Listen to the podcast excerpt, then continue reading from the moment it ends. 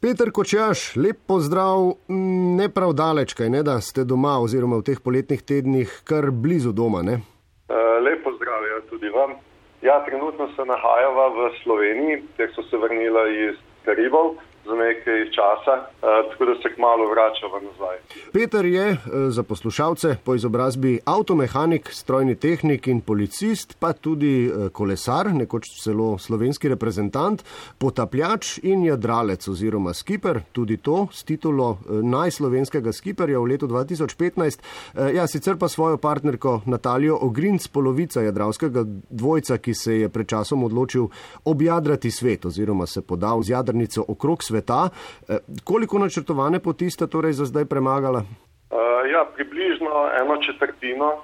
Sedaj so se pravi prečkala sredozemlje, uh, Atlantik, sedaj pa naj čaka Tihi ocean in potem nad Avstralijo naprej proti Indijskemu oceanu, Rdečo more in nazaj v sredozemlje. Uh -huh. Ideja za pot okrog sveta sicer ni bila vaša, temveč Natalijina, eh, je pa očitno morala priti tudi v pravem trenutku vašega življenja. Eh, namreč to je bilo nekako v obdobju, ko ste dobili sina, še predtem pa eh, je vaše telo ne, vas kar nepričakovano in brezkompromisno opomnilo na človeško minljivost. Je imelo vaše zdravje oziroma bolezen kaj pri tem, da ste svoje sanske projekte, torej ne vem, te potapljaške avanture in jadranje na daljše razdalje in podobno, eh, nehali predstavljati, kot to radi počnemo v prihodnost, v smislu za te stvari bo več časa, ko bomo v penziji in to ne? Uh, ne. Najprej ideja je bila moja okoli sveta, samo uh -huh. Natalija je potem, um, ko se je strinjala tudi oni, da bi šla, so potem začela resno razmišljati o tem. Uh, zdaj moja bolezen v bistvu je bila nekaj časa prisotna, katero sem premagal, zaradi tega se mi ni uh, dejansko nič spremenilo, še vedno se lahko potapljam in počnem vse, kar sem želel. Edino mogoče malo bolj uh, cenim to svoje življenje in ga probam če dalje bolj uh, izkoristiti. Uh mhm. -huh. Kako pripravljena ste se torej z Natalijo lotila projekta z jadrnico okrog sveta? Če recimo začnemo s financami, uh, sta vedela, v kaj se spuščata? Ja, sprva sem jaz uh, kar nekaj let uh, vrčeval sicer ne ravno za potovanje okoli sveta, ker to je bila samo želja in ideja. Kasneje, potem, ko je prišlo do tega, pa so začela vse svoje trude in prihranke usmerjati v to. Uh, bilo je pa še veliko drugih stvari priprav, tako da so imela kar veliko dela s tem. Uh -huh. Koliko je tu improvizacije, če bi rekli recimo v procentih, koliko ste bili pripravljeni uh, in koliko ja, ste morali sproti razreševati težave? Ja, sprva sem imel kar nekaj načrtov, planov, kateri so se mi takoj že sigurno za polovico prepolovili z COVID-om, ko je uh mhm, -huh, nastopil, uh -huh. kajte nisem mogel do svoje jadrnice, da bi jo pripravljal, tako da sem imel potem zelo kratek čas, da sem vse to uh, pripravil, tako da dejansko, ne vem, mogoče polovico. Lahko navedete nekaj vsakdanjih stroškov za to vrstne jadravce, torej zakaj se porabi največ sredstev? Največ sredstev se nameni v bistvu dejansko za hrano, ker nekateri otoki so zelo dragi, potem za razne prijave, kajti na vse te otoke, ko medva obiskujeva, so v bistvu vsak otok je zase svoje države in se je potrebno prijavljati. Te prijave stanejo tudi, vem, do 300 dolarjev, recimo, ne vem, kakšni galapaško otoče pride že skoraj 2500 ne vem, panamski prekop nekje okoli 1500 dolarjev, wow. ker so veliki stroški.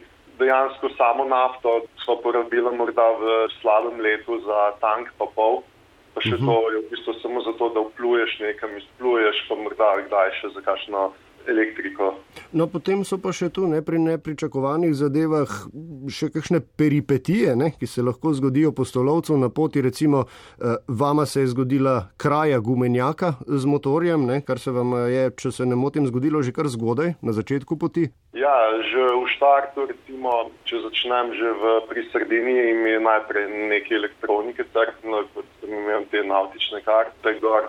Eh, potem v, na Kanarskih otokih so nam ukradli gumenjak z motorjem, ki je bil eh, čisto nov. Sva ga namensko kupila novega, zato da ne bova imela težav z njim, potem, ker si vsakodnevno skoraj odvisen od njega. Potem so imela proti kapo Verdom eh, težave pri motorju, ki je en dijak počil in nama je skorilo elektriko. Potem pa na Karibih so so nama počile še pripone, tako da smo mogla še menjati vse pripone in prvi navijalec, kar je predstavljalo velik strošek. V bistvu so za vse te zadeve porabila skoraj pol uh, najnih prihrankov. Se motim, če, oziroma verjetno pravilno ugibam, ne, če si predstavljam, da vi tudi veliko teh del popravil ne opravite sami, glede na vaše znanje in pač izobrazbo? Uh, ja, vse, kar se je dalo, sem popravil sam. Tudi jadrnico sem sam pripravil od motorja do elektronike, kjer sem ugradil razne sisteme, kot so AIS, uh, radar in avtopilot. Uh, Tako da veliko stvari se lotim sam, tudi če kaj ne znam, raziščem, eh, preštudiram. Tako da kolikor se le da, eh, naredim s svojim znanjem in svojimi rokami. Uh mhm. -huh. In kjer se da kaj prihraniti, ne, je pametno to storiti. Eh, kaj pa sicer še spada v eno osnovno opremo? Prav veliko tega se verjetno ne da prevažati na tisoče kilometrov, oziroma ne, verjetno se vse, kar imate na jadrnici, tudi potrebuje. Ja, mi zdaj imamo zelo veliko stvari, tako da so kar precej težka. Imamo od potaplaških oprem sabo, imamo velike zaloge hrane, kajti eh, želimo prihraniti nabavljava, kjer je res eh, ceneje. Potem imamo svoj lasten watermaker, kar pomeni, da pridelujeva iz slane vode sladko pitno vodo. Uh mhm. eh, -huh. To je bila zelo pametna investicija, po moji odločitvi.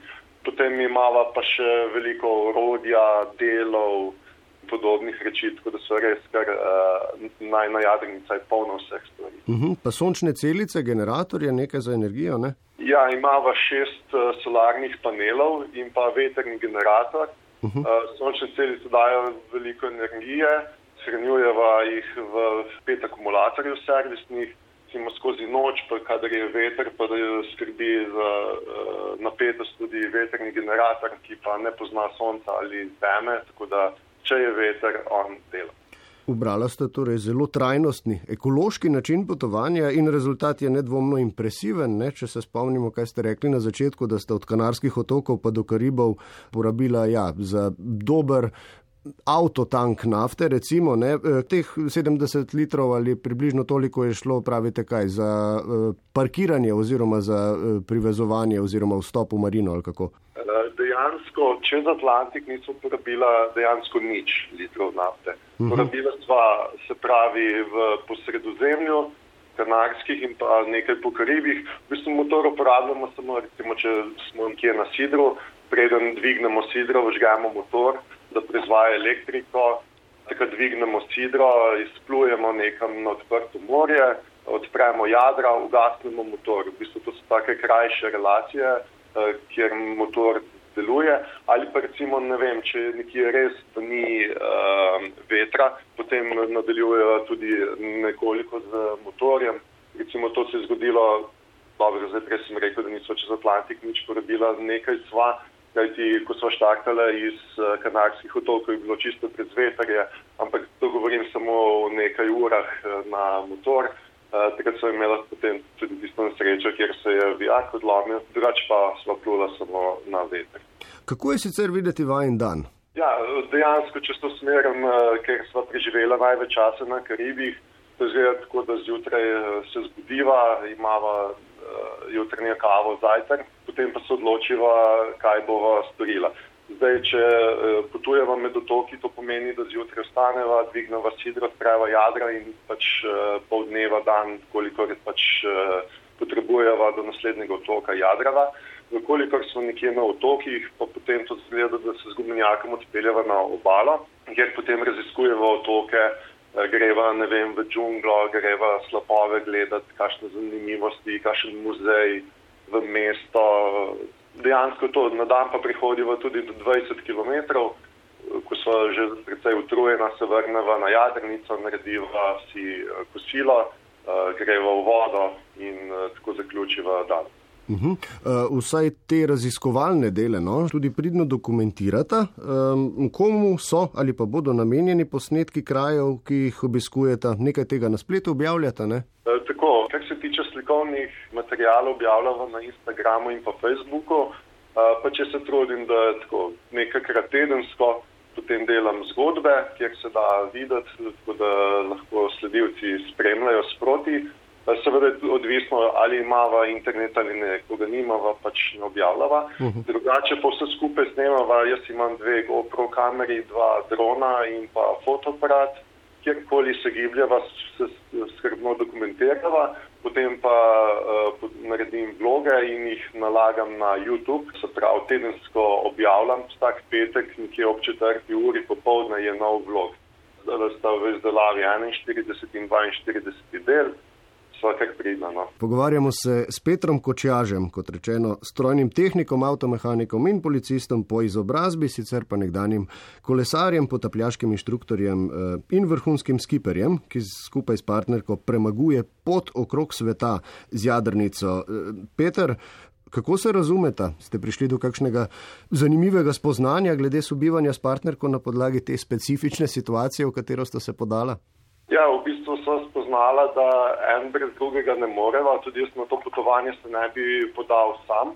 Se lepo dopolnjujeva, nimava večjih težav, zakaj tudi veva, da so odvisna en od drugega.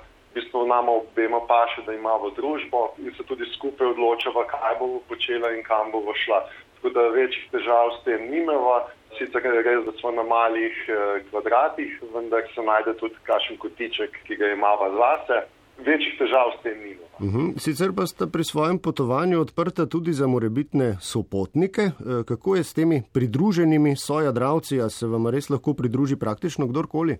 Ja, dejansko imamo tako najna jadrnica trokabinska, vendar imamo v eni kabini zelo veliko reči, watermaker, potoplaško opreme. Eno kabino imamo zase, eno pa imamo na voljo za goste. Na poti so se nama tudi že pridružili sojadralci, ki so po kakšen ne vem, nekaj dni pa do deset dni jadrali z nami, odvisno na lokaciji, katere sva. In tudi v bodoče bo možno se nama pridružiti. Eh, seveda medva potem, eh, ko približno veva, na katerem področju in kdaj bova, napiševa eh, ali na Facebook ali nekje pač, če se nama kdo želi pridružiti, tako da ljudje vejo. Tako da občasno se nama kdo pridruži nama pa še družba, tako da je zmerno zanimivo. So kakšna posebna znanja ali pa veščine, ki bi jih eh, naj imel nekdo, ki bi se želel pridružiti? Ne, ni potrebe, kajti uh, jaz eh, v bistvu lahko rečem, da imam dovolj izkušenj, da lahko jadram sam. Tudi Natalija jih je že zelo veliko pridobila, tudi ona je naredila vse tečaje in izpite. Tako da glede tega ni potrebe, kdo pa izkaže voljo, da želi pomagati ali pa se kaj naučiti novega, pa je seveda dobrodošel. Omenjali smo že ekološko noto projekta, ne, ki pa jo je še bistveno okrepila ena izmed vajnih sopotnic, oceanografinja Daniela Turk, eh, sicer tako kot vidva Dolenka, ki pa živi in dela v Kanadi. Eh, pot, ki ste jo prejadrali skupaj, je izkoristila za zbiranje in analizo vzorcev oceanske vode oziroma iz morja je mala vzorce nanoplastike in planktona. Kako je bil videti ta del potovanja? Koliko časa je bila sploh z vama? Je plula po Jadranskem, Jonskem morju, pa vse do Sardinije, preučevala morje, pridobivala nekaj uh, vzorcev, potem pa se vrnila v domov oziroma kasneje v Kanado. Te vzorce so pač tako zdaj, da smo za mrežo zajemali uh, vodo, katero je ona potem preučevala in shranjevala. Ne vem pa potem, kaj se je zgodilo s temi vzorci, kajti ona je potem to eh, imela za svoje raziskave naprej. Uhum. Vajni sopotniki so večinoma slovenci, slovenke? Uh, ja, trenutno sva bila usmerjena v slovenske jadravce, v nadaljevanju pa vkolikor uh, bomo potrebovali še kakšno dodatna sredstva, torej razmišljala tudi o tem, da bi vzela kakšnega tujca. Uh, sabo seveda z takega ne, predhodno se pogovorimo in dogovorimo, uh, da nekoliko spoznamo. Uh, kdorkoli poznamo, kajti smo le na malih kvadratih in uh, se moramo nekako ujeti. Uh -huh. uh, Peter pravijo, da lahko kjerkoli, kamor po svetu greš, srečaš slovenca. Uh, a to velja tudi za širne oceane, ki jih vidi, da premagujete? Uh, ja, res je. Medo so na sveti najni poti srečala kar nekaj slovencev, celo na sredi Atlantika med Kanarskimi otoki in Zeleno-Rdskimi otoki so srečala slovenski katamaran. Eh, srečala sem se na 50 metrov, tako da je bilo zanimivo preko VHF postaje se zmenjati nekaj besed. Potem pa smo se še enkrat srečala prav na Karibih, tudi pri drugih slovencih še. Potem sva srečala na otoku Gvadelup eno gospodično, ki je v bistvu spraševala za pot uh, naprej, da bi plula. Uh, seveda naj sprva v angleščini, potem so ugotovili, da je slovenka. Tako da zaenkrat sva kar srečala nekaj no, slovencev. Se pravi, zelo velja ta, da kamorkoli greš, srečaš slovenca. Peter, lahko za konec z nami delite kakšno svojo, recimo, najbolj zanimivo, bodi si najlepšo ali tudi v kakšnem drugačnem pogledu najbolj markantno eh, izkušnjo, ki ste jo doživela na poti? Ja, eh, najlepše, ki mi je ostalo v spominu, je recimo, ne vem, ko smo obiskala džunglo Gvadelupa in si ogledala te eh, znamenite slapove, potem morda kakšen poseben otok, kot je recimo Barbuda, ki ga je leta 2017 Irma skoraj uh, ga je zbrisala z obličja, mm. uh, ker je na desetine kilometrov peščene plaže in skoraj nobene žive duše. Pač to so taki eh, momenti, ki si jih človek zapomne. Seveda pa tudi ne bo pozabila prečkanje Atlantika, ki je bilo letos kar uh, pestro. Tudi z ostalimi sojadravci, ki so ga prepluli, sva se pogovarjala in pač so bili iz tega mnenja, da je bilo letos predvsej bolj pestro kot ostala leta pestro pomeni vremensko problematično?